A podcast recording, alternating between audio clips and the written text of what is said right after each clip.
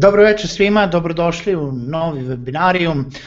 Moje ime je Željko Crnjaković, a večeras, večeras imamo ovaj, posebnu čast da nastavimo sa temom koju smo obrađivali na jednom od prvih webinara i na koje je bilo, za koje je bilo jako puno interesovanja, a to je priča o Facebooku. A, na prošlom webinaru smo pričali dosta o tome kako a, voditi a, poslovne stranice, kako voditi page-eve, kako koristiti Facebook u poslovne svrhe, to je za šta možete sve da ga koristite. Sa mnom večeras e, da pričamo o tome malo više o Facebook oglašavanju je ponovo Aleksandar Radukin iz agencije Homepage iz Novog Sada. Aleksandre, ćao, kako je? Ćao, čao, dobro večer. Evo, krenulo ponovo lepo vreme, tako da sve pod kontrolom u fullu. Odlično. Aleksandre, a, za početak, ajde da kažemo par stvari, šta smo mi to sve prešli na prošlom, a, na prošlom webinaru a, i koje su sve to mogućnosti kada pričamo o a, profesionalnom i a, korišćenju Facebooka u poslovne svrhe, pa da onda pređemo na večerašnju temu šta i kako o Facebook oglašavanju. Važi, važi. Evo ja sam pripremio nešto onako što uvek ovaj, treba da obratimo pažnju i da ovaj, shvatimo zašto baš taj famozni Facebook i zašto je on toliko bitan, a opet o ovome smo pričali prošli put, gledat ću da budem kratak, da se setimo bitnih stvari, da se setimo ove mape društvenih mreža i koliko je Facebook dominantan kao društvena mreža, mreža u svetu. Podaci su iz decembra 2014. o ome smo baš tada i pričali. I zbog, o, zbog svega ovoga mi možemo slobodno Facebook da nazovemo kraljem a, a, društvenih mreža i kraljem sociala, I zašto baš u Srbiji je toliko bitan? Pa znači do 4 miliona po nekim procenama ima otvorenih naloga u Srbiji i preko 50% populacije na Facebooku i više ima korisnika Face-a nego interneta. A, bitna stvar je napomenuti da ovaj, u eri smartfonova preko 50% ljudi je u ovom momentu na Facebooku preko svog smartfona i u suštini mi smo non stop online. A preko 60% ljudi je ovaj, više puta dnevno online od svih ovih, da kažemo, 4 miliona naloga na Facebooku, a bar jedan put nedeljno njih 80%. A, kako da vam kažem, na Facebooku su svi. Na ostalim društvenim mrežama uvijek ima pravila, ovi su ovamo, ovi su onamo. Na Facebooku su bukvalno svi. I ovaj, ja mislim da je to dovoljan uvod i da je to dovoljno fakti koje ovaj, mogu da nam objasne zašto je Facebook kraj social marketinga i zašto se Facebooku konstantno vraćamo i ovaj, uvek nam je nekako neprežvakana tema i uvek hoće i prvi, i drugi, i treći, i četvrti deo u celoj ovoj priči. A zašto smo se opredelili za o, Facebook advertising? Pa, znate šta, dobar content uvek pali, dobar content uvek prolazi, ali dobar content može vama da pomogne ukoliko godinu, dve, tri ulažete u njega, dobar kontent bez dobre promocije samoga ništa ne vredi kao što ni promocija loše kontenta tako, loše kontenta takođe ništa ne vredi, tako da moramo da spojimo i jednu drugu da bi dobili win-win kombinaciju. Pomenuo si nešto kratko, ovaj, pomenuo si u današnje vreme svi smo online non stop. E, imamo li neke podatke ili imaš li ti ne, ovaj, da si pročitao negde ne konkretno podatke, da li ima više, koliko, koliko je odnos ljudi koji koristi recimo Facebook samo na mobilnim telefonima u odnosu na desktop računare? E, e baš super, ovo što sam pitao, ovaj, s, s obzirom da, da smo ovaj, sproveli istraživanje i ima na našem ovaj, web sajtu baš blog post koji sam ja ovaj, napisao, e, u ovom momentu u Srbiji oko 45% ljudi pristupa svom Facebook nalogu preko smartfonova, e, preko desktop uređaja je 51%, ovih 4% su, ajde da kažemo, ostali. Tu spadaju i tableti i raznorazni Nokia Symbian ovamo onamo, ali smartfonovi su trenutno 45. U ekspanziji su nevjerovatno u Americi podatak koji smo radili takođe tamo jednu firmu kampanjicu, 80% ljudi pristupa e, Facebooku preko ovaj, smartfona Preko Androida i iOS-a prvenstveno. Nije, nije definitivno nije strani podatak da ljudi sve više koriste samo mobilne telefone i čak uopšte ne idu da sednu za desktop računar jer ono mogu nešto da odrade iz fotelja. U redu, e, kada pričamo o Facebooku, e, jako je velika tema korišćenja Facebooka u poslovne svrhe zato što je, kao što ti kažeš, na Facebooku su svi, a korišćenjem pravog načina advertisinga i, i svih opcija koje Facebook nudi, ne moramo trošiti neke ogromne pare kao što je to u nekom print marketingu ili billboard marketingu, pa čak i na Google marketingu ili šta ti misliš o tome? Pa, generalno, ovaj, imamo mi tu i podatke kojima kažemo da, e, na primer, e, prosečan tiraž, na primer, jednih dnevnih novina u Srbiji, među ovih popularnijih je oko 100-120 hiljada, to je neka informacija iz struke, ja sam čuo tu informaciju. A, 120 hiljada ljudi potencijalno može da vidi neku reklamu u nekom, ovaj, nekim dnevnim novinama. E sad, E, za iste te pare koliko košta ta stranica u dnevnim novinama, mi na Facebooku možemo da dostignemo oko milion i po ljudi.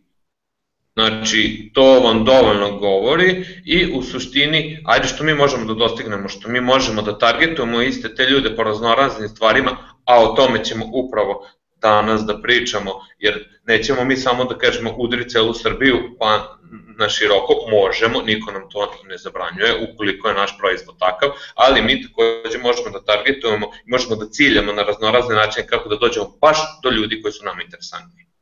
Ovaj, naročito druga stvar je što ljudi mogu da se vrate našem sadržaju, klikabilno je, mogu da kliknu, da odu da saznaju više informacija, imaju call to action dugme da mogu direktno sa svog smartfona da pozovu koliko ih zanima taj neki aranžman ili neka usluga nekog zanatlije ili tako slično.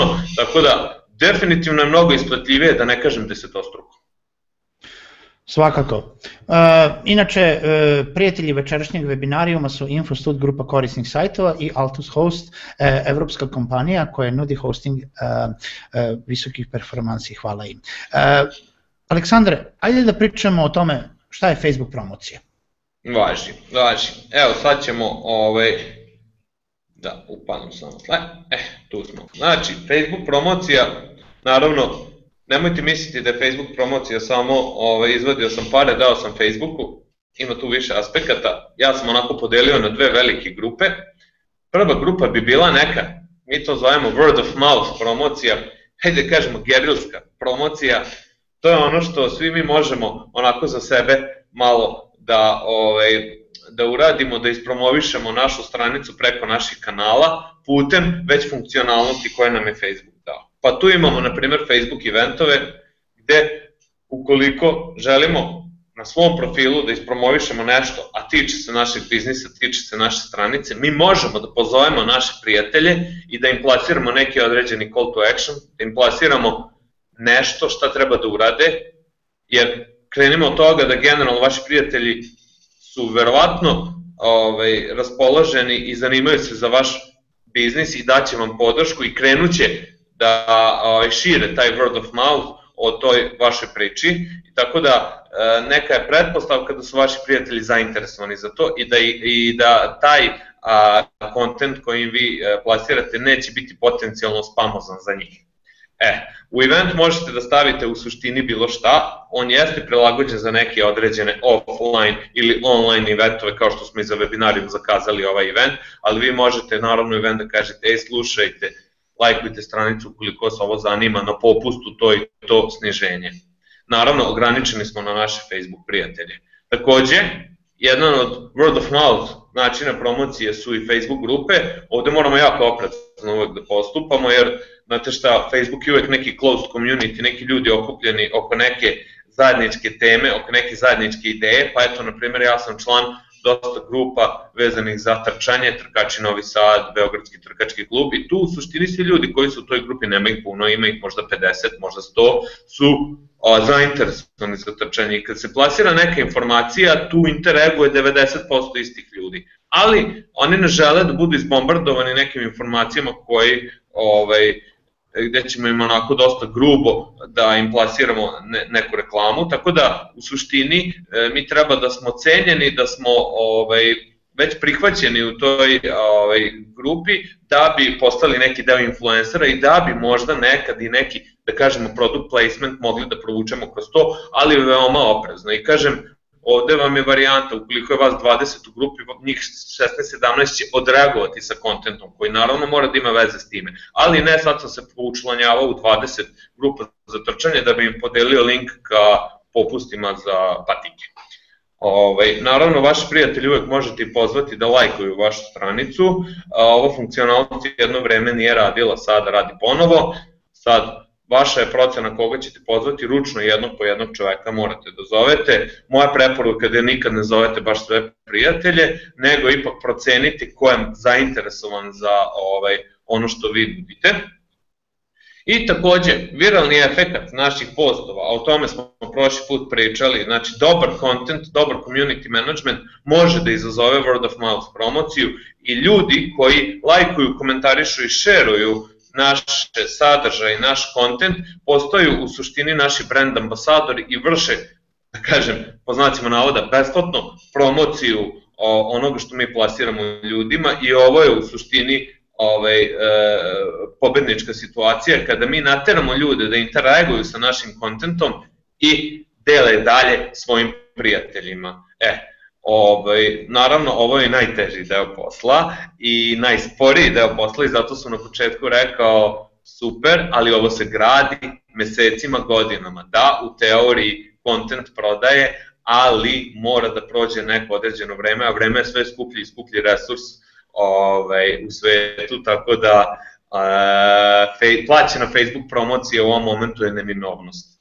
Takođe, postoje sad i ovi, da ih nazvamo word of mouth servisi, gde u suštini postoje influenceri koji plasiraju neku objavu na svojim volovima i njihovi prijatelji na određeni način klikću i odlaze na taj kontent i ovi bivaju za to što su podelili na svom volu i za interakciju svojih prijatelja plaćeni ili nagrađeni na neki način. E, u suštini ovaj, ovo jesu neki načini neplaćene promocije, sve ovih word of mouth servisa, gde postoji neki community i gde neki postoji ovaj, neki servis nagrađivanja, ali ovo je samo da malo otkinete onaj vrh ovaj, ledenog brega, u suštini prave rezultate, prave efekte tek ovaj, možete da postignete nekom ovaj, plaćenom promocijom. Ne znam, Željko, koliko ti imaš iskustva sa ovakvim varijantama što se tiče webinara i to? Pa ja moram da kažem da ovaj korišćenje recimo evenata je naravno ono nešto što je nama uvek uh, predstavljalo uh, glavni, glavni vid promocije nekog webinara. Uh, naravno imali smo nešto malo iskustva i sa, i sa baš promovisanjem, ali ovaj, uvek, je, uvek je tu došlo do toga da, kao što si rekao, mislim, napraviš event, pokušaš da ga ispromovišeš putem tog word of moutha i putem uh, neke grupe ono, širenjem putem prijatelja, pa njihovih prijatelja i tako dalje.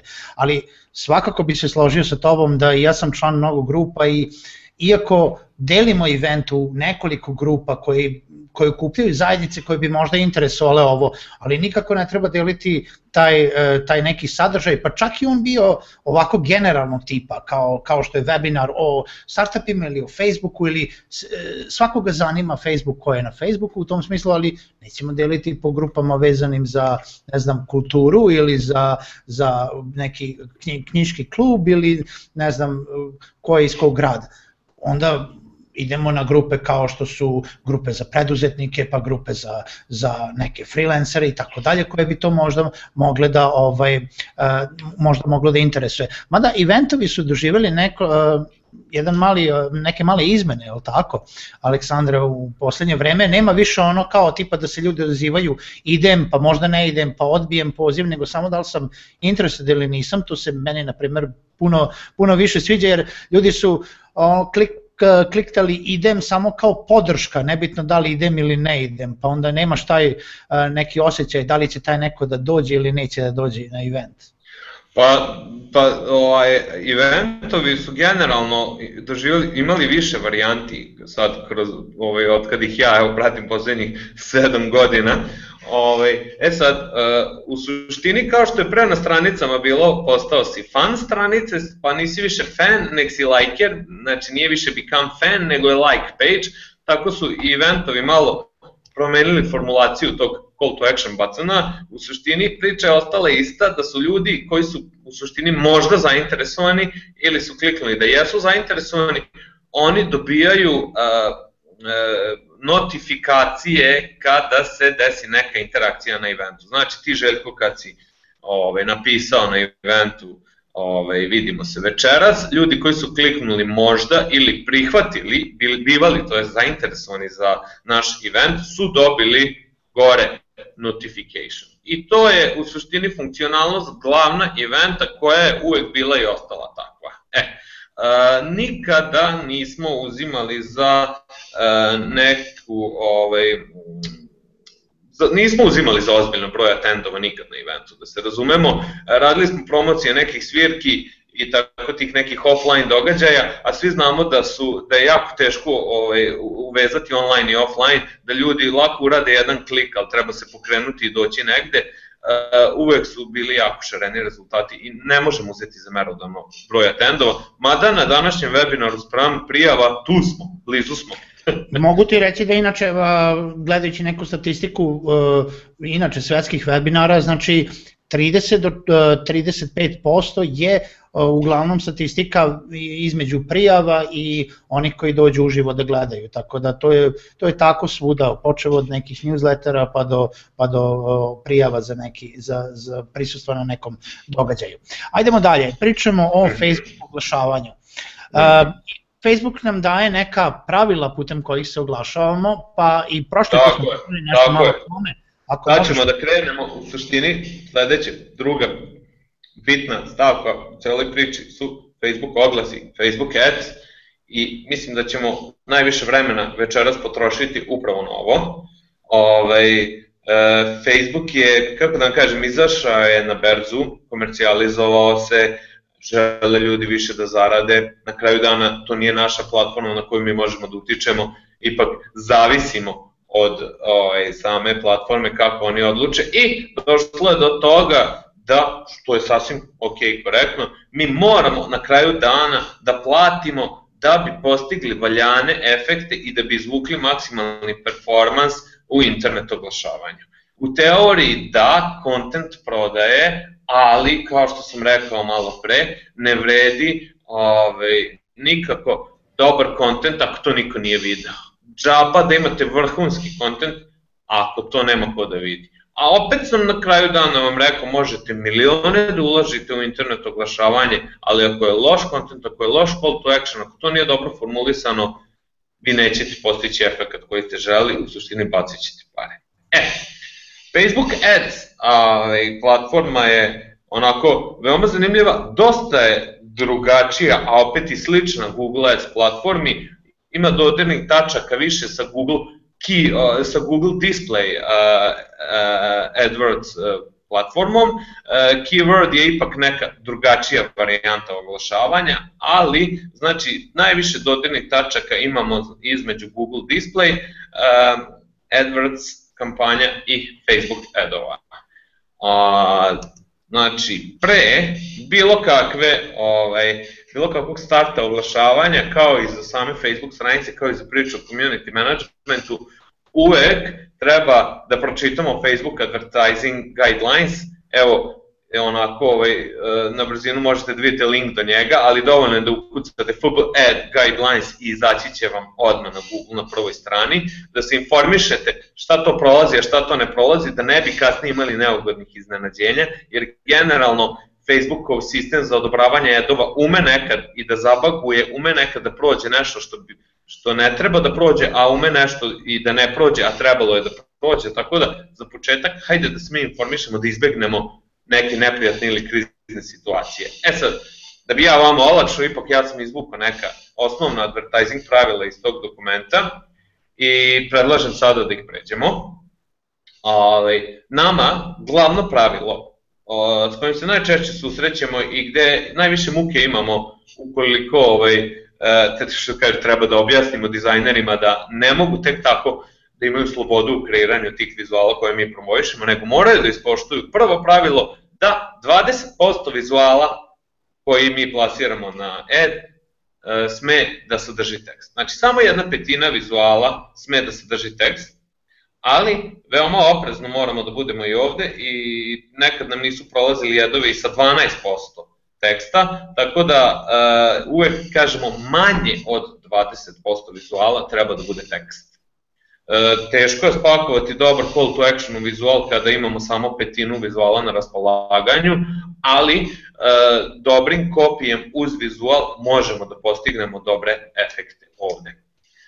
E, verovatno svi znamo, alkohol, kod nas 18+, plus, u ove, nekim državama 21 plus godina je, znači uvek kada setupujemo ad za alkoholna pića moramo da stavljamo 18 plus ograničenje u ad menadžeru.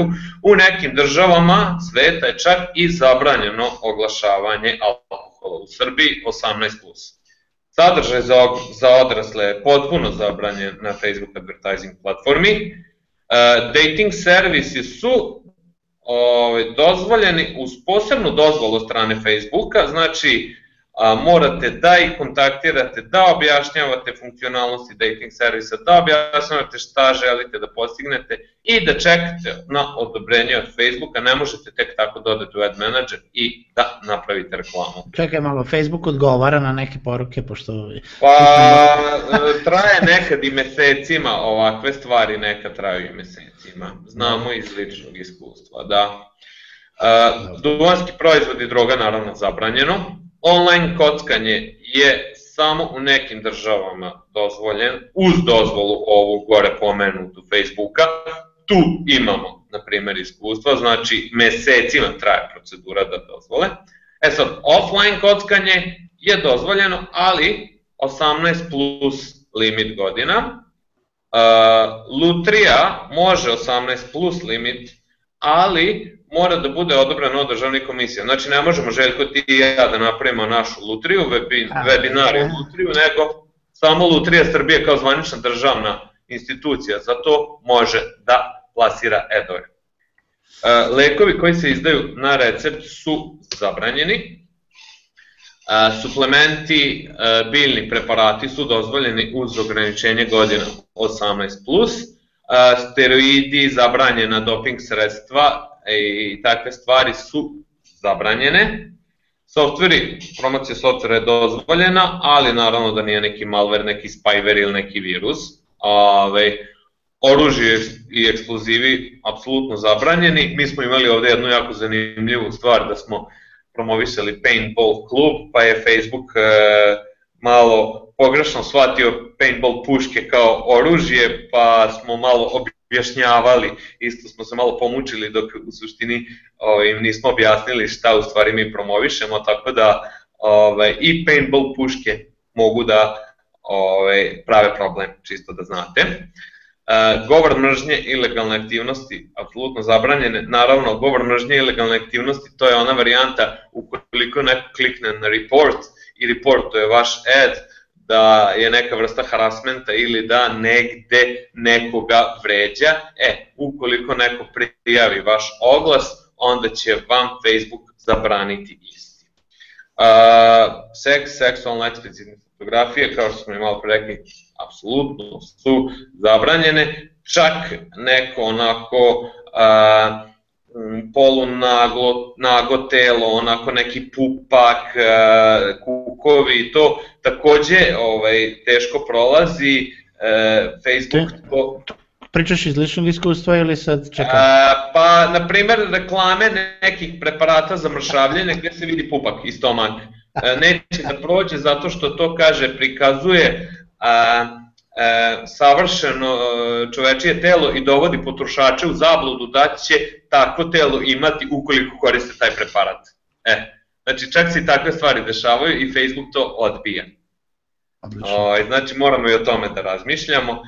A, takođe kršenje autorskih prava, znači ukoliko je taj vizual, taj video, ako stavljate na primjer video na promociju, zaštićen autorskim pravima, naravno nećete moći da ga ovaj, promovišete.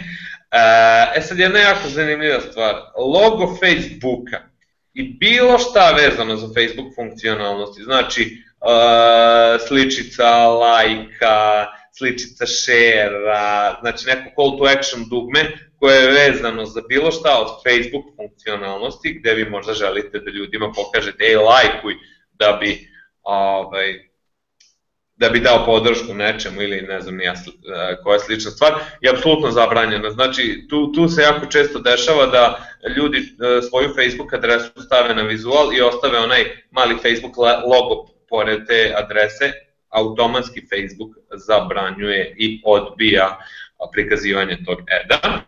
Takođe, QR i bar kodovi na vizualu su zabranjeni. E, to je ovaj, u suštini, ajde da kažemo ono što je izvučeno iz ovaj, Facebook pravila onako kratkim crtama i mogu da kažem da sa jedno 80-90% ovih stavki imam iskustva i stvarno ovaj, e, nekad se stvarno čovjek i pomuči i, i bolje napraviti neku sigur, sigurnu varijantu e, da, da, da vam Facebook neće odbiti e, reklamu, jer nastaje jako velika muka kada vam odbije ad i onda ponovo morate da ovaj, se konsultujete i sa vašim dizajnerima i sa ljudima koji su kreirali kontent i sa klijentom ukoliko treba taj isti kontent da odobri koji vi kreirate i onda u suštini uvek treba igrati malo na sigurno. Malo tekst nije baš 20%, stavite na 12% da prođe sigurno, nemojte eksplicitno da komunicirate ovaj, što kažem, ako negde ima neka oblina ili tako nešto, stvarno igrajte na sigurno, jer samo sebi onda ovaj, možete da stvorite ovaj, neke dodatne ovaj, muke i da kažemo akauntske noćne more. ja, ja, kako smo prešli ovu cijelu listu, dobiješ utisak kao pa ni ovo, pa ni ovo, pa ni ovo, pa ništa ne može, ali u stvari kada pogledamo sve ovo nije, nije tako strašna lista za, za većinu biznise koji, se, koji, koji žele da se reklamiraju i oglašavaju na Facebooku, tako da korišćenjem samo ovaj pravih elemenata vi uvijek možete da stvorite dobar sadržaj za neki oglas. A, koji su sve to načini, o, šta mi sve možemo da uradimo kroz oglas, Aleksandar? Evo sad ja, ovaj, ja bi vam ovaj, preporučio da ovo sada odemo u moj ad manager.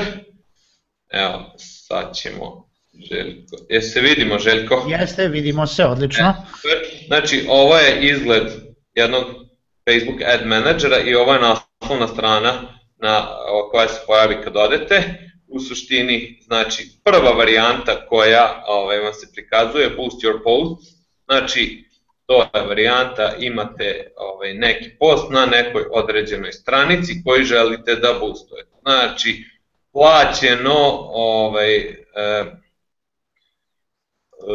povećanje riča na samom postu, a post može da se prikazuje na newsfeedu, na mobilnom newsfeedu i sa desne strane. I ovo je ono što kažem e, u suštini opcija koja se najčešće i koristi zato što smo prošli put pričali da e, sad već i 2% možda vaših fanova vidi objavu koju vi plasirate na stranicu i vi morate da e, e, ipak da bi došli čak do vaših fanova, do ljudi koji su kliknuli da vide e, vaš sadržaj, to je pretplatili se na vaš sadržaj, da bi došli do istih tih ljudi vi morate u suštini da platite Facebooku i to je to boostovanje postova, znači povećavanje riča, plaćeno prikazivanje vašem posta ciljanom grupi, to je ciljanom auditorijumu.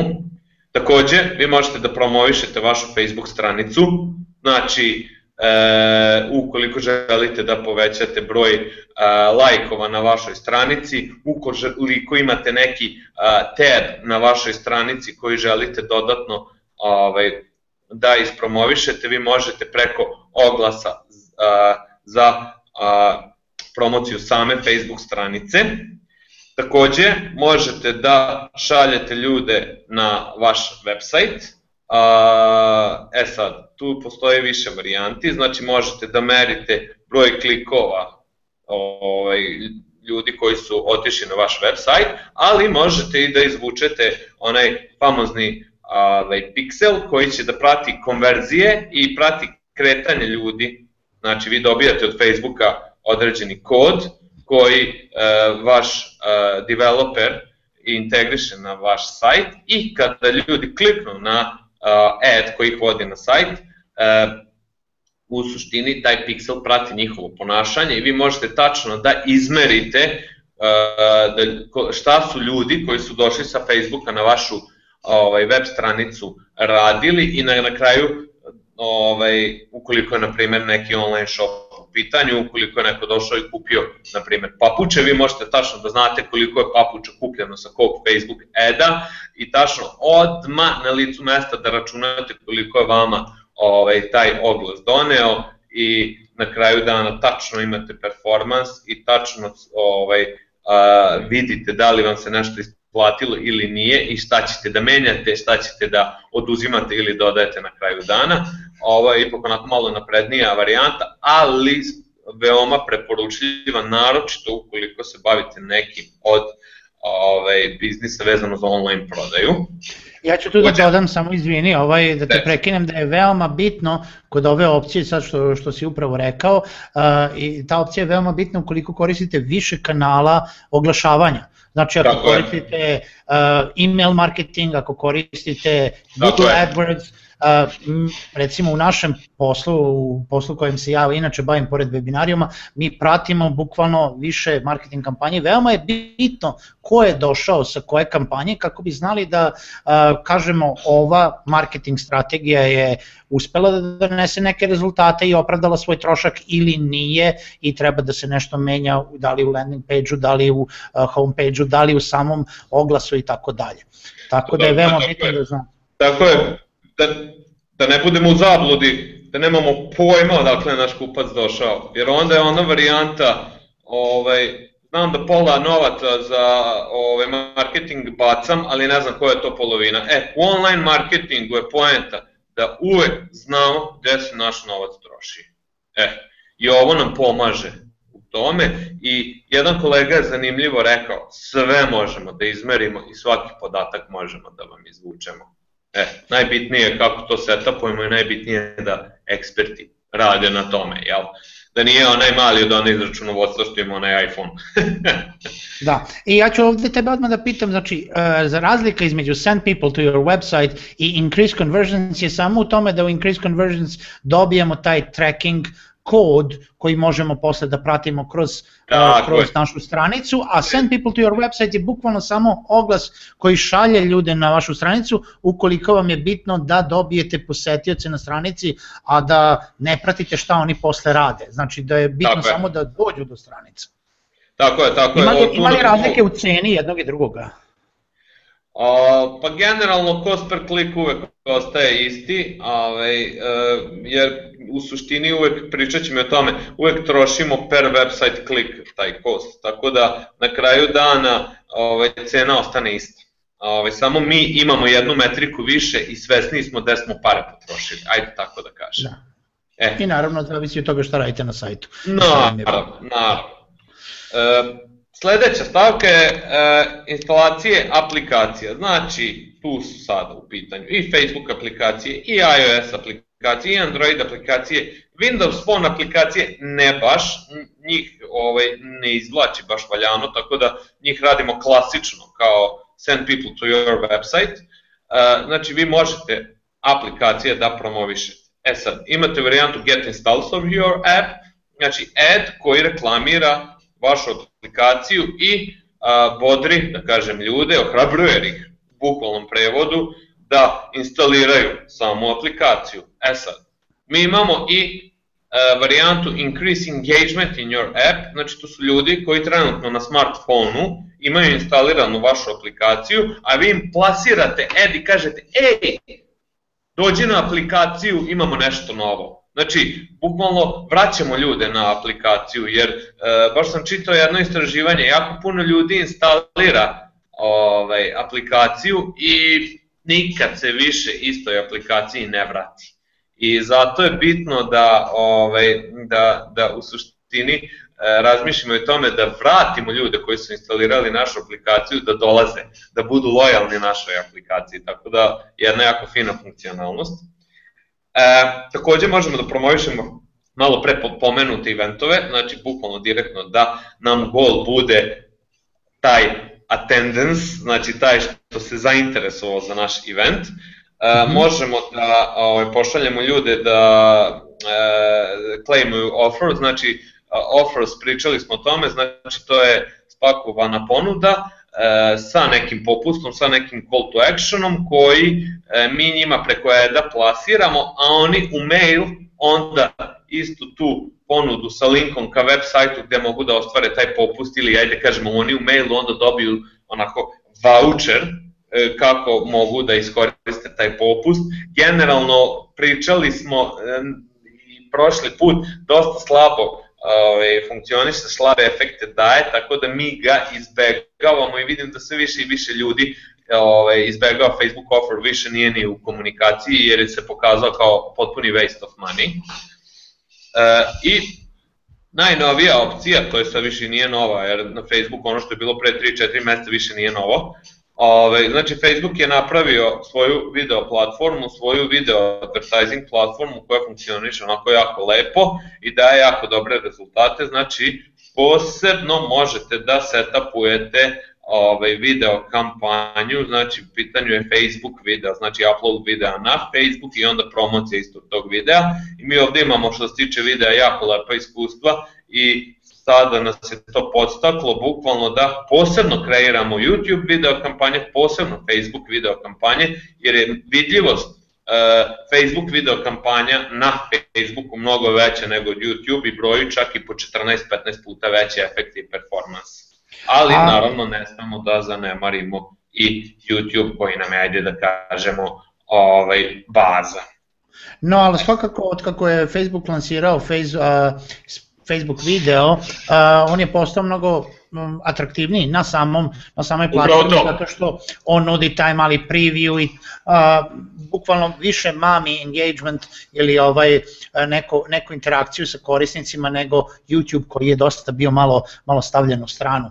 E, nego evo ja da te pitam jedan jedan troubleshooting. Ovaj baš sam pričao sa nekim ljudima isto na Faceu i postavio sam i post pre nekoliko. Uh, da li ste vi iskusili da Facebook video uh, reže, onako, ono ima dosta velike smetnje u, u samom videu, iako glas, uh, to je zvuk, uh, ide nesmetano i da li znate, da li je neko video sa Facebookom, da li je to u čega, pošto čujem da je na svim operativnim sistemima i na, i na ovaj, kako se zove, u svim, uh, i u Chromeu i u, i u Firefoxu, yes. isti. Yes. E, mi smo isto ovaj, iskusili takvo iskustvo, iskusili iskustvo, mi isto smo imali problema s time, žalili su nam se ljudi, žalili su nam se klijenti, Facebook izgleda ima neki algoritam gde pravi a, prioritete među stranicama i dešavalo nam se da stranice sa većim brojem lajkova imaju i po defaultu se vidi HD, odma, nesecka, nije bilo nikakvih problema, a stranica koja je imala možda 5 ili možda 2000 lajkova, kockice se pojavljuju, niska rezolucija, seče, ton kasni i negde smo došli do zaključka da na većim stranicama se to ne dešava, da se to dešava na manjim stranicama. Ja pod većim stranicama mislim na stranice 100k plus ovaj, lajkova. E, da li je to neki algoritam koji prepoznaje e, e, ne znam, jačinu same stranice po nekom, po interakcijama, po engagementu i da onda bukvalno Facebookov algoritam to tako deli, ili u tom momentu je Facebookov server tamo malo pao, pa je odmah isecko video, pa je tamo malo skočio, pa se tamo pojavio HD, ja se bojim da nećemo nikad znati tačan odgovor ja moram da kažem da se meni evo lično dešava da gledam bilo koji video, ne da smo mi postavljali, da se to dešava sad skoro na svakom videu koji sam probao da gledam na fejsu u poslednjih brat bratu mesec dana. I ako je to stvarno problem neki u algoritmu da je Facebook po meni baš napravio dosta velike reze u smislu da mislim, forsiranje velikih strana, ako je tako, kao što ti kažeš, je malo nelogično. Mislim, barem sa, sa neke poslovne strane, ako oni primete grešku algoritmu, da će Bog pa će sve to biti ovaj ispaljeno. Oni su to da svaku cenu morali da podignu video platformu zbog konkurencije da. i to je razumljivo. A, kaži nam, a, rekao si da su recimo a, a, znači boostovanje postova i ovaj to je samih samih ovih evenata ili bilo čega je najpopularnije. Gde su sve to mesta gde možemo da da vidimo taj boost kada kada ga napravimo? Znači, koje su pozicije na kojima on mhm. može da se javi? Mm -hmm. Postoje tri osnovne pozicije i sa pozicijama uvek možemo da se igramo, da ih palimo, gasimo.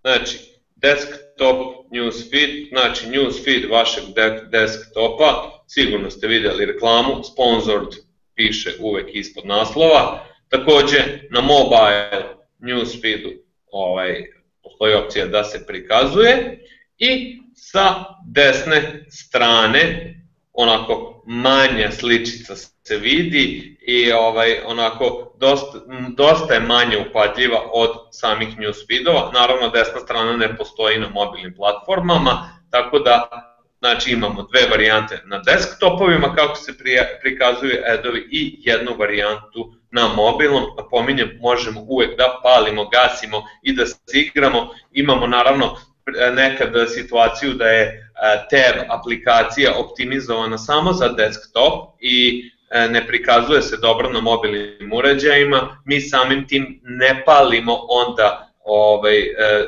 reklamu ka toj tab aplikaciji na mobile news feedu, jer bi samo potrošili džaba novac, nego kreiramo poseban mikrosajt koji je optimizovan za mobilne platforme i onda, na primjer, samo kreiramo ad za mobilne platforme koji vodi tu. Znači, to je sad uvek već stvar kombinacije i organizacije unutar ovaj, jedne kompanije i komunikacije sa samim ovaj, klijentom. Dobro. A kao, koje su to osnovne forme uh, ovih oglasa? Znači šta, Evo, ja na šta moramo da mislimo? Da izvučem, da ih pređemo sve. Ove, mhm. znači, ovo su limiti i, i dimenzije oglasa. Napominjem da Facebook najviše voli da se ispoštuje pikselaža koju je on preporučio, jer ukoliko uploadujete veći ili manji, ovaj, manju pikselažu i dimenziju od ovoga, on će je malo kompresovati, postoji mogućnost da se oglas neće ovaj, lepo prikazivati ljudima. Znači, klasičan Facebook ads koji vodi ka sajtu, znači bio to sa konverzijom ili bez nije bitno, uh, newsfeed oglas ovaj, treba da bude u dimenzijama 1200 puta 628, moramo da poštujemo 20% limit, E, right column takođe možemo da ostavimo u ovoj dimenziji i da ispoštujemo 20% limit. E, copy koji ide uz sam image, e, taj call to action famozni treba da ima maksimalno 25 karaktera i naslov samog oglasa, naslov se prikazuje samo sa desne strane, 25 karaktera. Napominjem da možemo da ubacimo i određen call to action button uz sam oglas, pa možemo da kažemo uh, tipa pročitaj više, book now, uh, learn more ili tako neke varijante. Postoje pet ili šest predefinisanih uh, varijanti uh, call to action buttona koji možemo još dodatno da zalepimo na i da ga dodatno ojačamo. Uh, klasičan Facebook ad koji vodi ka stranici ili nekom tebu, famozna, što kažemo, lajkača ad, ovaj, uh, imidž je malo drugačijih proporcija, znači 1200 puta 444, ovaj, sve što nije u ovoj proporciji Facebook će iseći, znamo iz iskustva, 20% limit takođe treba da se ispoštuje i copy Uh, Izvini samo, pošto odmah su postavili pitanje 20% limit kada pričamo o tekstu na i slici. Na samom vizualu tekst, ja se izvinjavam ako nije dovoljno jasno, znači 20% limit na vizualu, samo jedna petina vizuala sme da bude tekst. Ovaj kopi koji gore je kopi koji ide uz vizual gore i prikazuje se iznad njega, znači tekst koji se prikazuje uz vizual, a 20% je tekst na samom vizualu. E, takođe 90 karaktera nam je ovaj, call to action tekst i 25 karaktera je naslov ovaj, eda koji se prikazuje samo naslov se prikazuje samo sa desne strane. E, ovde nemamo predefinisano call to action dugme koje možemo da ubacimo, ovo je, ovo je što nam je. Add ka aplikacije je identičan kao i add ka web sajtu, znači uh, image 1200 puta 628, limit 20 on. Napominjem, uvek ga stavim da se ne zaboravi i takođe copy je 90 karaktera i 25 karaktera naslov.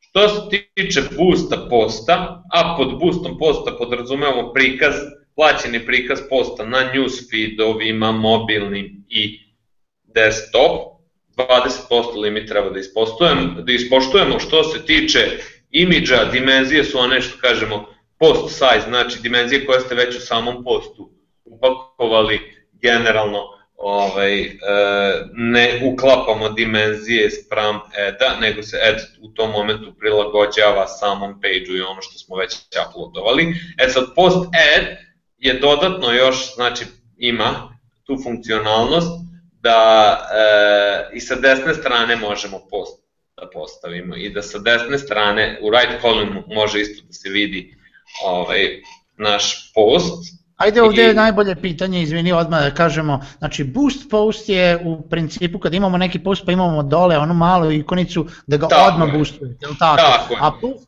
je kada napravite od tog, od tog nekog posta od, kojeg ste postovali, napravite baš ad. E sad, meni je uvijek bilo puno efektivnije da pravimo post ad. Zašto bi neko koristio boost post? Uh, je razlika? Pa razlika je u tome što se boost post prikazuje samo na news feedovima, a post ad se prikazuje na news feedovima i sa desne strane. I, Ali u, u e, smislu bolje je napraviti post ad, ne? U, u, kada bi... Kakva je kampanja u, u, u, otprilike, e, sa boostom posta možemo da imamo veću interakciju i veći broj klikova, a sa post adom veći reach. Zato što Aha. ovo sa desne strane je manje primetno, i češće se prikazuje, ali se manje klikće na njega. E, I u suštini mi uvek merimo performance, mi napravimo jedan post ad, jedan boost post, pa vidimo šta daje bolje efekte, to pustimo da se vrti. A u suštini u post adu mi možemo desnu stranu da ugasimo ukoliko nam ne odgovara prikaz i ukoliko ne dobijemo klikove ili neki engagement s njega. E, ali nekad je bitno da se neka informacija proširi onako naveliko i onda ako nam je stvarno reach i broj dostignutih naloga koji su videli reklamu ekstremno bitan, onda palimo i funkcionalnost sa desne strane. Mm -hmm. Jesmo se Dobro. razumeli? Jesmo, vidjet ćemo da. posle kroz pitanja, da li su svi. Ads Manager, imao si lepu sliku sledeću. Mm -hmm. ovaj... e, Ads Manager, o, imao sam lepu sliku, ali smo je malo promenili zato što je ovaj, Facebook uh, umeđu vremenu promenio izgled samog interfejsa i to ne na svim nalozima. Evo sad ću ja da vam pokažem ovaj, kako sada izgleda jedan Ads Manager. Ovaj, znači,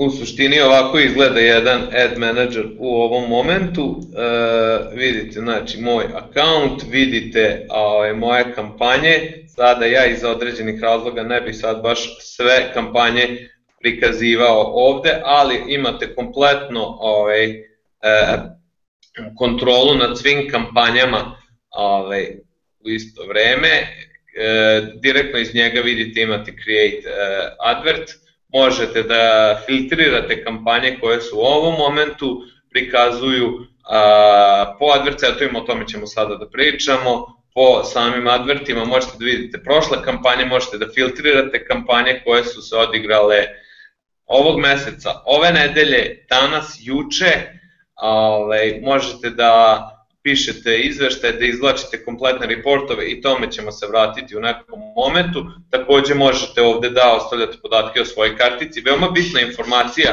vezana za sam billing, dosta je bilo upita, verovatno će biti večeras, a, kako kao firma ovaj, možemo da plaćamo ovaj, edove.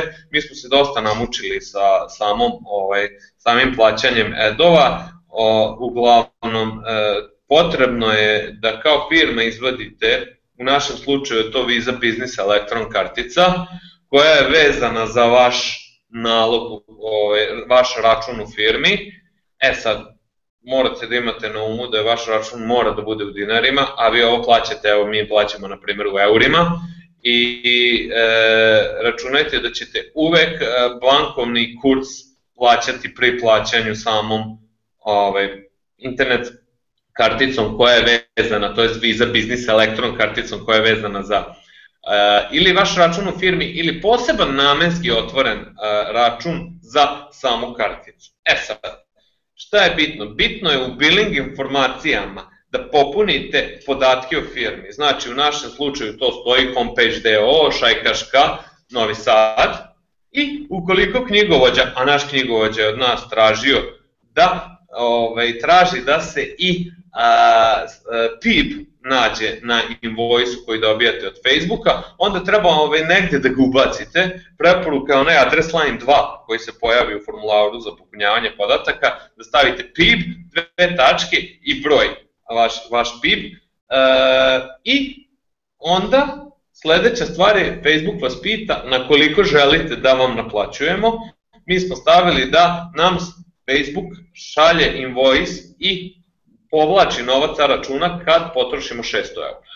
Znači, nije ono ko pre što je bilo svaki dan po jedna faktura pa muka živa, nego kad potrošimo 600 eura, Facebook nama povlači pare sa naše kartice, istina povlači u eurima po, po gornjem bankovnom kursu, a naš račun je u dinarima, ali, što kažemo, takva je situacija trenutno, da mi kao pravno lice trenutno jedino na takav način možemo da pravdamo novac koji trošimo na online advertising. Mislim da je to jedna bitna informacija koju uvek zaboravim ovaj, da, da kažem ljudima.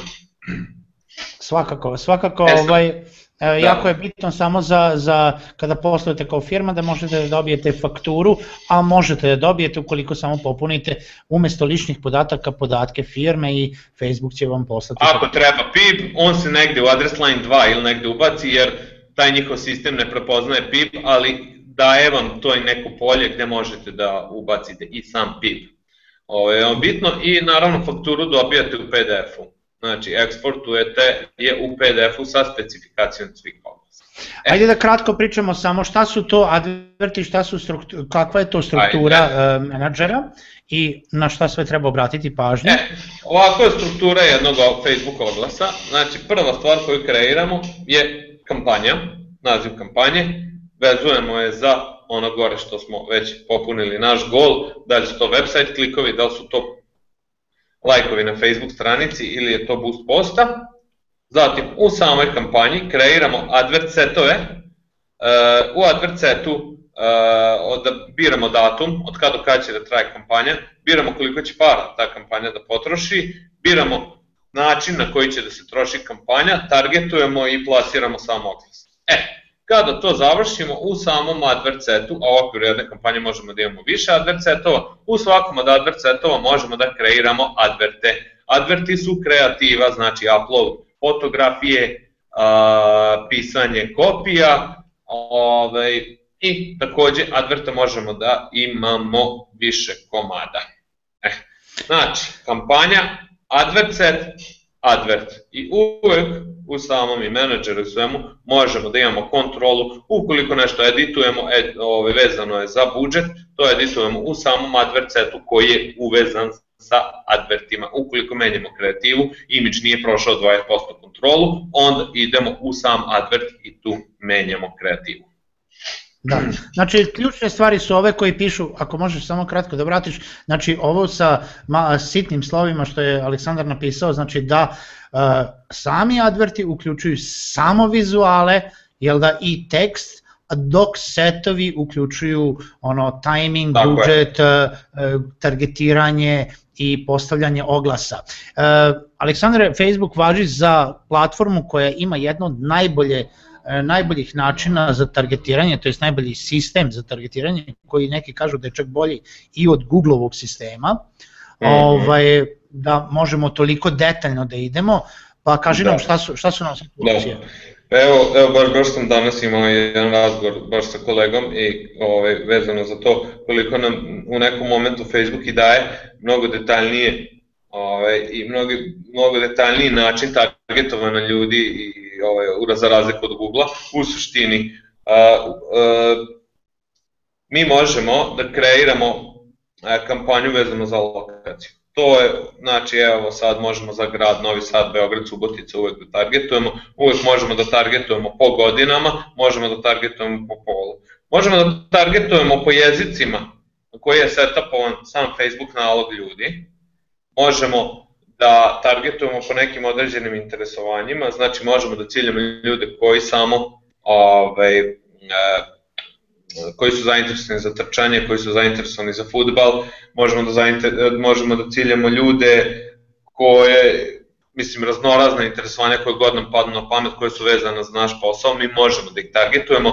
Interesovanja se kače na Facebook profil ljudi i ono što su ti ljudi lajkovali i komentarisali i delili na svom Facebook nalogu, Facebook izvlači i sprem toga nas ubacuje u interesnu grupu. Imali smo čak i jednu scenu da je ovaj tema e, bila zlatan nakit ili tako nešto i mi smo bili na nekim Facebook stranicama delili neki sadržaj vezan za sam taj nakit posle nekih dva sata krenuli su da nam izlaze edovi upravo za to. Znači, Facebook prati, da se mi razumemo, šta mi ovaj, radimo na svom profilu, ispram toga nas ubacuje isto ta interesovanja i onda kasnije stran svega toga ovaj, mi možemo da targetujemo te ljude. E sad, mi uvek možemo da targetujemo ljude i po nekom načinu ponašanja, ovo sad ovaj, kod nas nekad funkcioniše, nekad ne. Mi možemo, na primjer, da targetujemo ljude, e, prijatelje ljudi kojima je u sledećih nedelju dana rođendan. I sad mi neke jako zanimljive rođendanske poklone ovaj, e, prodajemo i mi želimo da prijateljima rođendanđija budućih plasiramo sam ad i to jako lepo funkcioniše, moram priznati, e, tačno samo njihovim prijateljima od kojih očekujemo da će im kupiti poklon. Takođe možemo da, jer Facebook zna svakog od nas rođendan. Prva stvar koju kad popunjavamo u profilu je rođendan. Tako, a, takođe možemo da ciljamo samo ljude koji su, na primer, vereni, koji će se venčati u skorije vreme, koji očekuju prinovu, kojima se rodilo dete, znači sve to mi možemo jako lepo da, ako su imali neki nešto u životu sada, neki milestone jako bitan, mi možemo da ih uhvatimo baš za taj milestone, jer sve što mi radimo na našem profilu, a da se razumemo, ovaj, dosta stvari na našem profilu, ovaj, onako jako često delimo i pričamo o našem životu i lajkujemo neke stvari koje nas u ovom momentu sada interesuju i pro svega toga Facebook kreira i ovaj behaviors i interest i tako možemo da hvatamo ljude. Takođe možemo da hvatamo fanove ove same stranice koje promovišemo, a možemo i samo prijatelje fanova te stranice, a možemo, na primjer, sam, da sklonimo fanove, ovaj, da ne vide fanovi stranice, znači možemo i da ekskludujemo uvek. Znači, takođe i u lokaciji možemo, znači, ok, ovo je Srbija, ali bez Novog Sada ili bez Subotice. Znači, uvek možemo da se igramo sa time. Ovaj, takođe možemo da ciljamo fanove bilo koje stranice koje smo mi administratori. E. E, najnovija varijanta targetovanja je taj custom. Reci Željko. Kažem, ili obrnuto, one koji nisu fanovi. Ili obrnuto, svako je. E, najnovija stvar i po meni najjača stvar u ovom momentu je custom audiences, znači ukoliko imamo neku mail listu, na primer webinarium ima sada mailove ljudi koji su se prijavljivali i koji su prijavljeni na mailing listu, Webinarium može sada da ubaci mailove svih tih ljudi koji su prijavljeni i da samo tim ljudima preko mail adrese plasira neki određen ad. Znači, to je isto jedna jako zanimljiva opcija kreiranja custom audience znači posebno prilagođeno mi možemo našu publiku da kreiramo i takođe još jedna dobra stvar je da konačno možemo da koristimo i Facebook remarketing i da a, možemo da izvučemo taj a, e, famozni pixel koji će se hvatati za naš kuki i ukoliko je neko došao na naš website, mi možemo da ga uhvatimo i da njemu kasnije plasiramo neki određen ad. Znači, samo ljudima koji su bili na sajtu, pa na primjer ukoliko je neko u hotelu Galerija u Subotici bio na web sajtu i interesovao se za smeštaj ili spa, mi u ovom momentu možemo njemu posebno skrojenu ponudu da kreiramo na njegovom Facebook nalogu da izađe e, ej, za tebe samo danas 5% popust na spa tretmanu u hotelu galerije ukoliko rezervišeš sledećih 7 dana.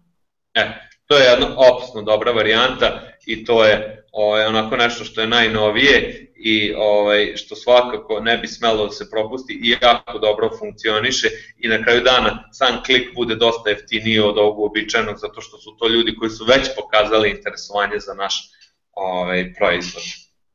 Ja ću samo da dodam na tvoje da e, imamo im iskustva sa kreiranjem custom audijensa i treba da e, ljudi znaju da možete da koristite bilo koje email liste, znači a, ako uploadujete email listu, vi uopšte ne morate da znate da li su ti ljudi došli sa Face-a, znači Facebook će detektovati koji tako su korisnici Facebooka, na primer vi uploadujete listu od ne, 5000 ljudi, od njih je samo 2000 na Facebooku, on će očistiti tu listu i kazati ok, imam samo 2000 korisnika na listi, targetiramo samo 2000 korisnika.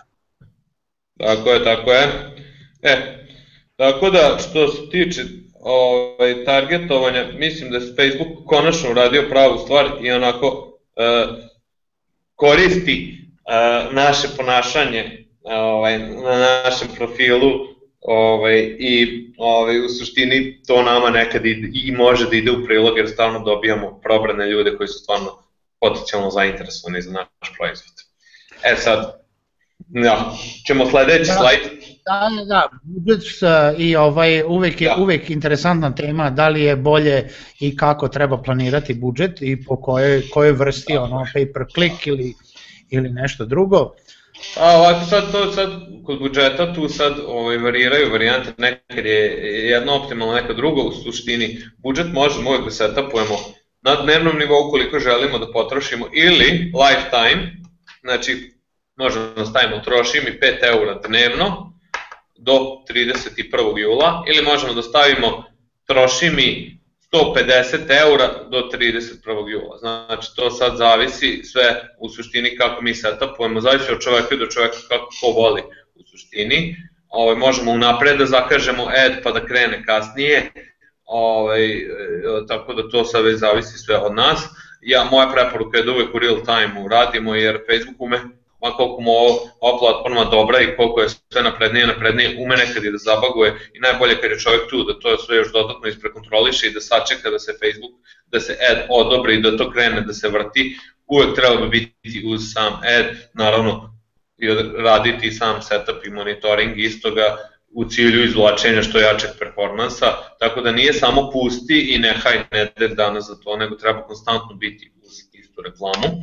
E sad, Uh, mi možemo da definišemo kako želimo da se troši naš novac. Pa možemo standardno ono po hiljadu prikaza, možemo po kliku da se troši naš novac, pa da setupujemo automatski po kliku da troši ili da mi kažemo slušajte nemoj nikad iznad 5 euro centi da me košta klik, ali uh, po meni, a nadam se da će se i kolege ovaj, struke složiti, a neka i Facebookova preporuka je da uvek optimizujemo ad spran gola i ako je to, na primjer, Facebook post, onda ga optimizujemo za engagement, za interakciju na samom tom postu. Ako je to website click, onda ćemo da kažemo optimizuj mi bid uh, for website click. Ako je to Facebook page reklama, želimo da nam više ljudi lajkuje stranicu, onda je optimized for page, uh, page likes I moja preporuka bi u ovom momentu bila da idemo baš tako. Znači, ukoliko promovišemo post, optimize for post engagement, ako je website, per website click ili per page likes ako ovaj, promovišemo sam page. Ako promovišemo aplikaciju na tebu na Facebook stranici, onda možemo da stavimo per click, jer onda nam nije bitan like, nego nam je bitno da ljudi kliknu na tu tab aplikaciju. Ovaj, Takođe možemo da setupujemo kada će se vrteti taj ad, naravno možemo da stavimo, mi radimo do 5, nećemo posle 5 da iko vidi ad i da nas cima, mi možemo da kažemo nemoj nas tad prikazivati. Takođe možemo i da ubrzamo ad ukoliko želimo da izvuče ovaj, što jači performans za što kraće vreme, ali onako meni iz iskustva ovaj, je uvek bilo najbolje run adverts all time, znači konstantno da se vrti ta reklama i kažem vam, noću svakako ovaj, se ad slabije prikazuje zato što noću tamo negde posle ponoći i opadne broj online ovaj, korisnika i u suštini e, slabo ćete ikakvog efekta samog eda imati, a slabo će i Facebook povući ovaj, novac sa, sa vašeg računa. Kaži nam, Aleksandar, ima li neke taktike u uh, optimizaciji uh, samog AdWorda dok traje kampanja? Sve možemo da menjamo tokom kampanje, ukoliko vidimo da, e, na primer, e, da, da se novac potrošio ovaj, na klikove, a na primer da je malo bilo website klikova, onda možemo da uđemo i da na primer kažemo aha, dobro, ljudi su kliktali sa mobilnih uređaja, potrajalo je dok nije im se otvorio preko mobilnog, ovaj, na primer, ovaj, sam website, mm -hmm, tu gubimo klikove, to je waste, možemo da, na primer, sprem toga onda ugasimo prikaz na mobilnom uređaju ili možemo da promenimo bit, nemoj da se trošiš po kliku, nego nam je cilj po website kliku. Tako da uvek postoje te igrarije i ovaj, opet kažem, ukoliko želimo da povećamo malo uh, domet i doseg samog oglasa, ovaj, onda možemo da tipa prebacimo na e, cenu po hiljadu prikaza, ali onda, će nas, onda ćemo imati e, manje klikova i obrnuto. Ali u toku prikaza samog oglasa to je upravo i onaj ovaj, magičan deo posla u tome i tajna cele priče, da konstantno vršimo optimizaciju i monitoring i samo tako možemo da izvučemo maksimalnu performance oglasa i to je ono u suštini što je jako bitno, što sam malo pre rekao da ne možemo samo da pustimo oglas da se vrti, nego konstantno moramo da budemo uz njega. E, super, ja bi e, molio sve naše gledalce, iako već postavljaju pitanje, da znači, sad je vreme, počnite e, da postavljate pitanje za sve što vas zanima, mi ćemo se truditi da odgovorimo na što više od njih čim završimo. Aleksandar, za kraj pitao bi te vezano za izveštaje u Facebook oglašavanju, znači šta mi tu treba da gledamo, šta dobijamo iz tih izveštaja, koje su nam to najrelevantnije informacije koje treba da gledamo. E sad, ovaj, ko, uh, Facebook ima jako detaljnu analitiku i stvarno ovaj, sve možete da dobijete od njih, a bukvalno to je jedna a, ogromna Excel tabela sa gomilom ovaj, šitova gde tačno možete do detalja da svaki podatak o svakom kliku da vidite, ali opet neke osnovne stvari koje treba da obratite pažnju je ukupan broj impresija, to je ukupan broj prikaza vašeg oglasa, a, takođe reach, a, reach je jedinstven broj naloga koje je video, znači Željko, ako si ti video reklamu 7 puta, to je 7 impresija, a jedan reach E mhm. sad, znači takođe iz toga kada podelimo znači, ovaj, 7 i 1, znači dobit ćemo da je frekvencija prikaza bila 7 u suštini i znači imamo broj impresija, reach, imamo frequency, znači koliko puta se jednoj osobi prikazao ovaj određeni oglas.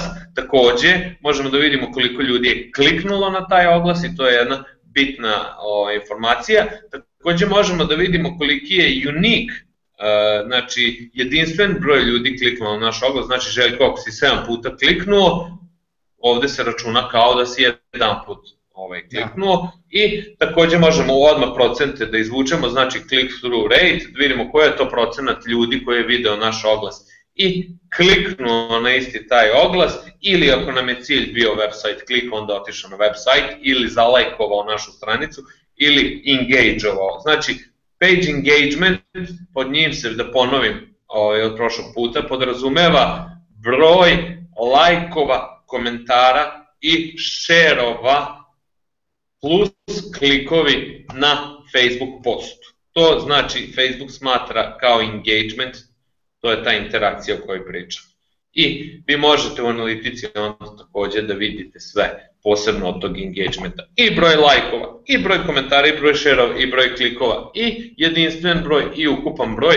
Znači, a, čitanje Facebook analitike, što na samoj stranici, što na advertising platformi, može da bude bukvalno treći ili četvrti deo Facebook predavanja ili priča samo za sebe, to je neverovatan broj podataka. Eto ja bih svima ovaj, preporučio koji već imaju iskustvo neko sa sa, sa radom, sa Facebook adovima, da, ovaj, da odu tamo na reporting i export data i samo da eksportuju tu Excel tabelu, samo da baci pogled kolika je to količina podataka koju su dobili. Odlično, odlično. U svakom slučaju prelazimo polako na pitanja ovaj, e, i polako završavamo, za, uobličili smo ovaj deo vezan za Facebook oglašavanje. E, ja ću se par tehničkih stvari vidim kroz, e, kroz chat da se javljalo, izoštite sliku, ne vidi se kako treba. Mi smo izošteni koliko god to možemo da budemo, uglavnom je do interneta u live streamu, nadamo se, mislim ovaj ovaj uh, webinar će svakako biti uh, pušten i na naš YouTube kanal uh, već od sutra, tako da ćete moći da vidite uh, sliku koju smo i mi videli uh, i uh, time da upotpunite, upotpunite sve ono što uh, niste mogli da vidite ukoliko vam je bila mutnija slika. Uh, što se tiče uh, ljudi koji su postavljali nekako konetna pitanja uh, vezano za baš neka konkretna, konkretne savete kako postaviti jedan ili drugi oglas, to zavisi svakako, kao što smo rekli u prvom predavanju, od kampanje do kampanje, od posla do posla, od biznisa do biznisa, evo Aleksandar će se složiti sa mnom, mislim da ne možemo uopšte ulaziti u analize šta je bolje ili lošije za nekoga e, dok se bukvalno ne uđe u problematiku tog nekog proizvoda ili poslovanja. Je li tako, Aleksandar? Pa, ovaj, e, ja kažem, kao što kod nas u agenciji svaka ponuda e,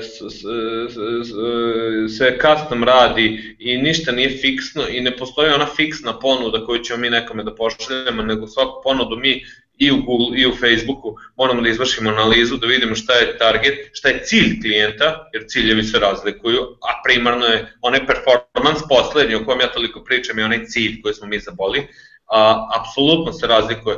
Znači, situacija ima milion i, i stvarno ovaj, konkretnu varijantu, znači, e, uvek testiranje, testiranje i testiranje. Znači, posle gomile testiranja, vi ćete znati šta vama odgovara. Eto, mislim, ja se igram sa tim stvarima e, već 7 godina ovaj, na Facebooku i imam neko iskustvo, a i opet na kraju dana i ja se iznenadim i ne mogu ovaj, i, i testiram i dalje i adaptiram se na promene i na sve to. Znači nema fiksnih paterna, nema fiksnih obrazaca, svaka stranica, svaka kampanja priča za sebe.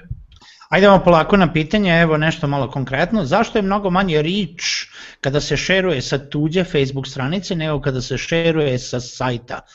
I od čega uopšte zavisi reach? često objave koje imaju više lajkova imaju manje rič od onih sa manje lajkova.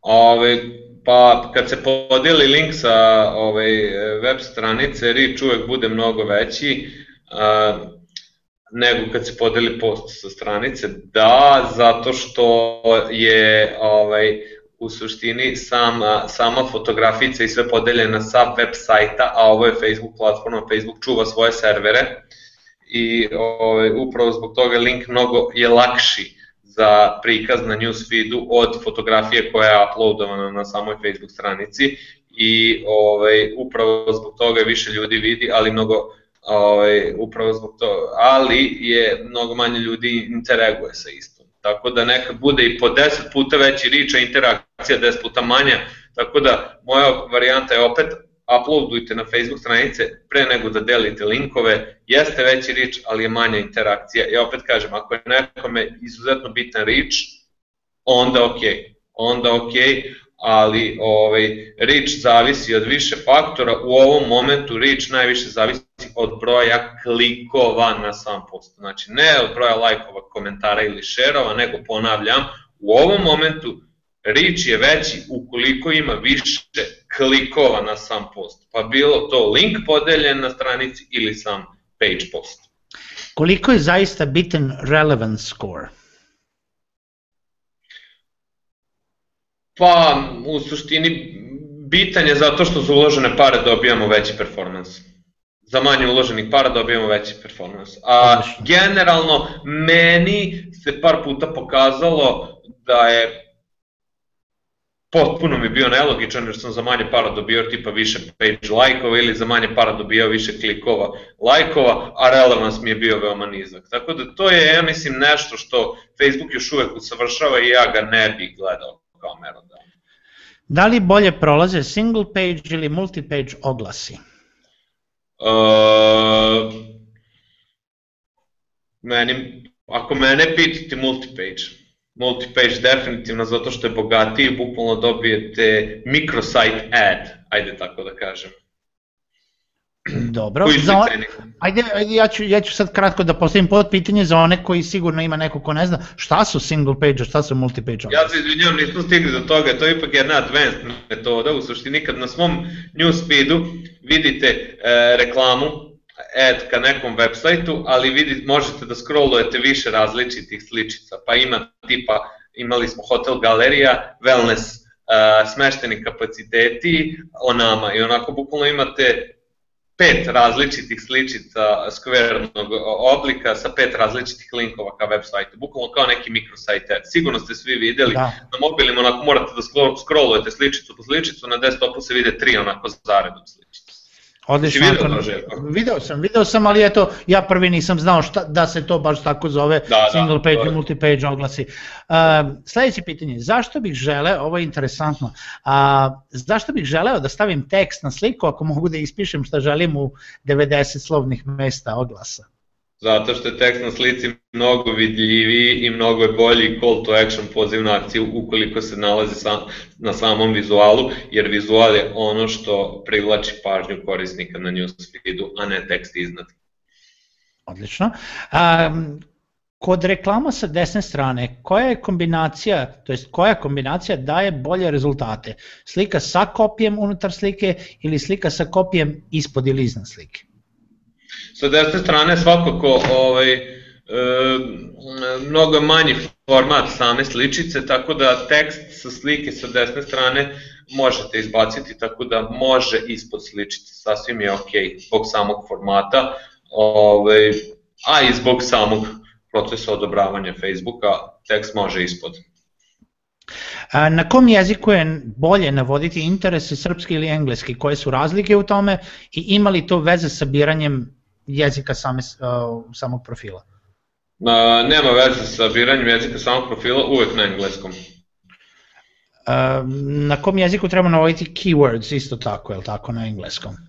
Tako je. Uh, pazite, ubacite i srpski, testirajte, igrajte se, ali ja kad targetujem, uvek targetujem na engleskom, pogledam srpski i na kraju mi ispadne tipa četiri interesovanja, a to znam da nije ciljani auditorijum, ako ubacim engleski onda dobijem tipa realnu sliku.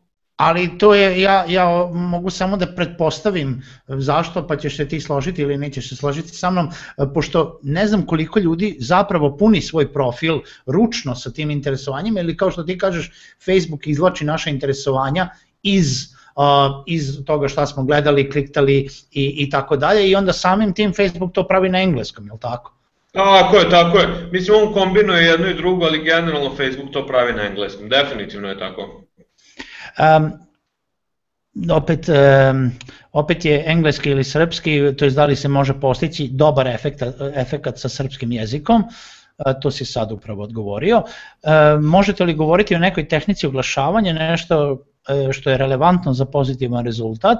Uh, pošto je ovo meni prevod samo sa engleskog na srpski sve što već ima pokazano na Facebooku. Pa kao što smo rekli za konkretne neke primere, uh, uvek je to jest ne možemo govoriti šta je relevantno za vas konkretno jer ne znamo što čime se bavite ili uh, je ja samo analiza oblast. E, ja ili čak i Facebook može otprilike da vam kaže koliko ćete reach ili broj klikova ili cenu klika imati za uložen novac, tako da to je ona stvar koju odmah vidite, tako da tu nema puno laži.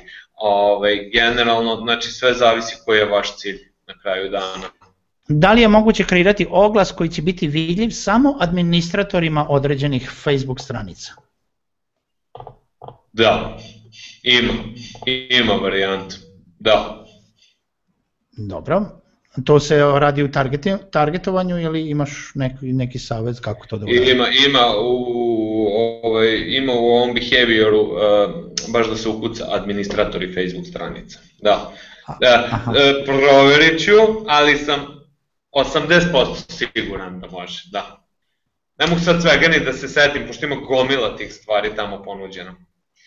Dobro, kako ubaciti svoju sliku umesto generičke prilikom postovanja linka kad PDF dokumentu recimo sa isu.com.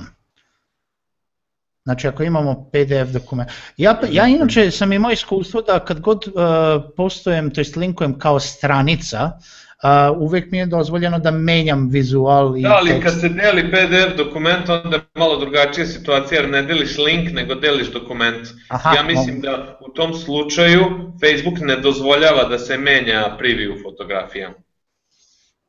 Dobro, evo imali smo jedno, e, završili smo polako sa pitanjima, e, interesantno, e, ostali korisnici su odgovorili jedan drugima, što je veoma... E, to je baš lepo, što je community tako što se pomažu ovaj korisnici i što, ovaj, što je ovo webinar bez hejta i zli namere i što su svi u suštini pozitivni.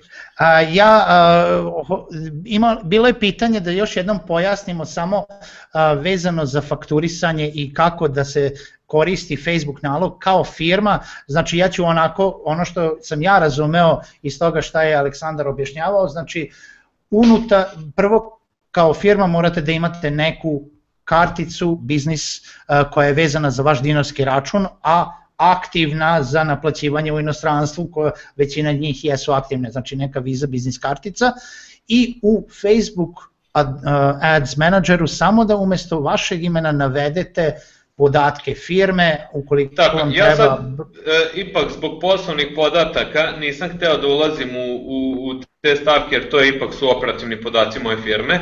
A, znači, pod stavkom billing ili računi sad na srpskom se nalazi billing info, znači gde vi popunjavate informacije o vašem računu. I tačno u ta polja imate da odaberete da ste kompanija i da tu popunite znači ovaj, te podatke baš sa podacima vaše kompanije, ne vas pod imenom i prezimenom, nego podatke kompanije, a karticu koju vezujete je upravo to što si rekao, znači neka od biznis kartice, da li to Visa, eto mi koristimo Visa, Business Electron, postoji više tih kartica, na primjer one Virtuon kartice i one internet kartice se samo na fizička lica otvaraju i to ne, to ne igra za firme, ali i obična ta Visa Business Electron kartica koja jeste vezana za dinarski račun, radi posao, samo kažem, opet je bankovni transfer po gornjem kursu, tako da, nažalost, plaćamo malo jaču proviziju.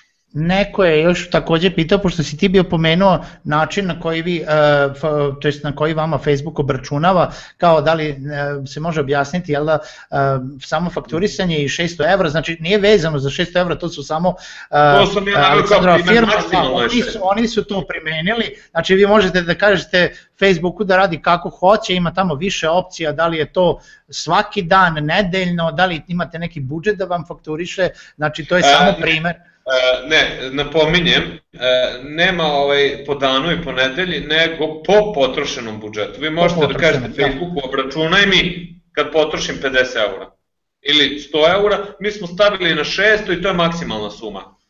Znači, koju možemo da stavimo. Ne mogu sada da stavim i obračunaj kad potrošim 1000, ne. 600 A ako ne stavimo ništa, Aleksandre? Ako ne stavimo ništa, onda će nam vući, ja mislim, na 200 eura jer po defaultu mu je to štiklirano 200 eura, ako je nov nalog onda će povući odmah, na, odmah svaki dan vući. I čim pređe 200 eura onda će nas pitati hoćeš da ostane ovako na 200 eura, on iskoči onaj pop-up smara, on ne da on nama da mi odustanemo, da ga cancelujemo. Tako da... Ja mogu reći više da sam se, ja nisam, evo, otkrivam tajne, ali ja nisam još potrošio 200 evra, ovaj, ali ovaj, u principu mene je više iznenadilo to što ja platim i Facebook meni ne skida i tako mesec dana. Dok e, to je to, znači to je to. E, imamo još jednu komentar tu, znači, juče je bio 30. jun, mi nismo potrošili 600 eura, Facebook nam je povukao novce, koliko smo u tom momentu potrošili, obračunava na kraju meseca, seče svakako. Znači, ako ne potrošiš do kraja meseca, to jest on ti ne povuče lovu, potrošit, povući će na kraju meseca, jer tad seče. Znači, svakako seče na kraju meseca, ako si me razumeo. Naravno, naravno, svakako. I to je ono što odgovara, ako slabije da. trošite, znači svakako će, mora, mora ne, u nekom momentu da vam i povuče. E, evo jedno pitanje interesantno, e, pred kraj smo, da li možeš objasniti, pošto si rekao da e, možemo namestiti oglas koji izlazi ljudima kojima je rođendan u narednih sedam dana. U stvari ti si pominjao prijatelji ljudima, prijateljima ljudi čiji je rođendan. Kako to da urade? Isto behavior? Ili kako to u behavioru, to u behavioru, da. On to već unapred nudi. Ovaj, tako da pogledajte opcije koje su tamo izlistane. Ovaj, eto, možemo, možemo e, e, evo, mogu na primjer kompletan taj neki put, kako to da se setupuje sutra napisati ispod YouTube linka ovaj, e, webinara, e, znači ponavljam ljudima, slobodno me i pitajte ovaj, na samom tube odgovaraću. Odgovaraću kao i prošli put, tu sam, tako da, eto, ovaj, sutra ću, eto, first thing in the morning, ono što kažeš kad vi postavite to na tube, e, ovaj, objasnit ću putanju kako da dođete do toga, nije nikakav problem i tu sam na tube pratim komunikaciju. Naravno, odlično, a prezentacija koju smo imali će isto biti postavljena, ako se Aleksandar slaže, ovaj nismo pričali o tome da li ovo može da bude, jer imali smo slučajevići da ne može, Aleksandre, slažeš se da prezentaciju možemo postaviti linka PDF-u ispod YouTube-a, naravno, naravno. Ovaj, tako da će i to biti dostupno sutra. A, mi polako završavamo. A, ja ću primetiti još jednu a, interesantnu stvar na page-evima koja se pojavila pre nedelju dana. A, da li ste vi primetili da, se poč, da su page-evi počeli dobijati a, zelenu ikonicu koliko brzo odgovaraju na poruke? Da, response, response time, da, da, e, to mi je jako dobro, to mi je fantastično, sad će community manageri krenuti da se takmiče u respondu, a to je super, smo prošli put pričali o tome koliko je bitno da se odgovara na Facebook stranicama i koliko u suštini ljudi vole da im se odgovori i, i koliko frustrira kad niko ne odgovara, e, sad, sad će ovi page-evi koji imaju a, community menadžere koji su stvarno tu i koji su tu stranicu biti i označeni, što je fantastična stvar, mislim da je odličan potis Facebook. Ja ću, ja, ja moram da iskoristim priliku ovaj, ja, i da se pohvalim, pošto smo nedavno i mi videli ovaj, da je to i dobili smo, znači primetili smo jedino kada smo dobili, dobili smo na 100% u roku 3 minuta da odgovaramo, tako da ovaj, eto, mhm. imamo nešto na, čega, na čega smo ponosni. Ovaj... Evo, aplauz! Hvala lepo, hvala, ovaj, hvala lepo svima koji su bili večeras sa nama. Ja bih želeo da ovaj podsjetim da je naša crowdfunding kampanja za webinarium još malo pa gotova. Znači, skupljali smo pare od zajednice u nadi da unapredimo malo opremu i da nastavimo da emitujemo što bolje i duže webinare. Ona je gotova u roku od 5 dana, ovaj, koliko neko želi može da klikne sa vaše desne strane link i da učestvuje jer uh, kampanja je fleksibilna, znači sve pare koje skupimo svakako da obijamo. Uh, evo mogu odmah da ovaj, objavim ako Aleksandar dozvoli da smo baš pre webinara pričali i da će i homepage učestvovati u crowdfundingu, uh, mnogo im, mnogo im hvala i svim našim ovaj, donatorima do sada, uh, tako da hvala, hvala svima koji su nas podržali, hvala svima koji nas gledaju. Uskoro imamo jednu novinu za vas, radili smo anketu, hteli ste dodatni sadržaj, webinarijom će krenuti sa još dodatnog sadržaja, imaćemo jednu malu emisiju koja neće biti live, ali će biti svake nedelje vezano za IT zanimljivosti, nadamo se da krećemo ili od sledeće ili, za, ili od one tamo nedelje, uh, u procesu smo završavanja, tako da gledajte Webinarium Plus uskoro sa vama, a dotle vidimo se za dve nedelje na novom webinarijumu. Aleksandar, mnogo ti hvala što si bio sa nama večeras i nadam se da se vidimo na nekoj trećem izdanju uh, Facebook uh, webinara. Ja sam uvek raspoložen za dobru priču i deljenje znanja, Eto, nadam se da je bilo korisno. Tema je malo nezgodna za ovako preneti, više je praktična varijanta za neki workshop, ali eto, ja se nadam da smo uspeli da, da, da, da, da onako, ovaj, bar onako deo objasnimo kako valja. U svakom slučaju, hvala svim gledalcima, pozdrav i vidimo se na sledećem webinariju. Jedno.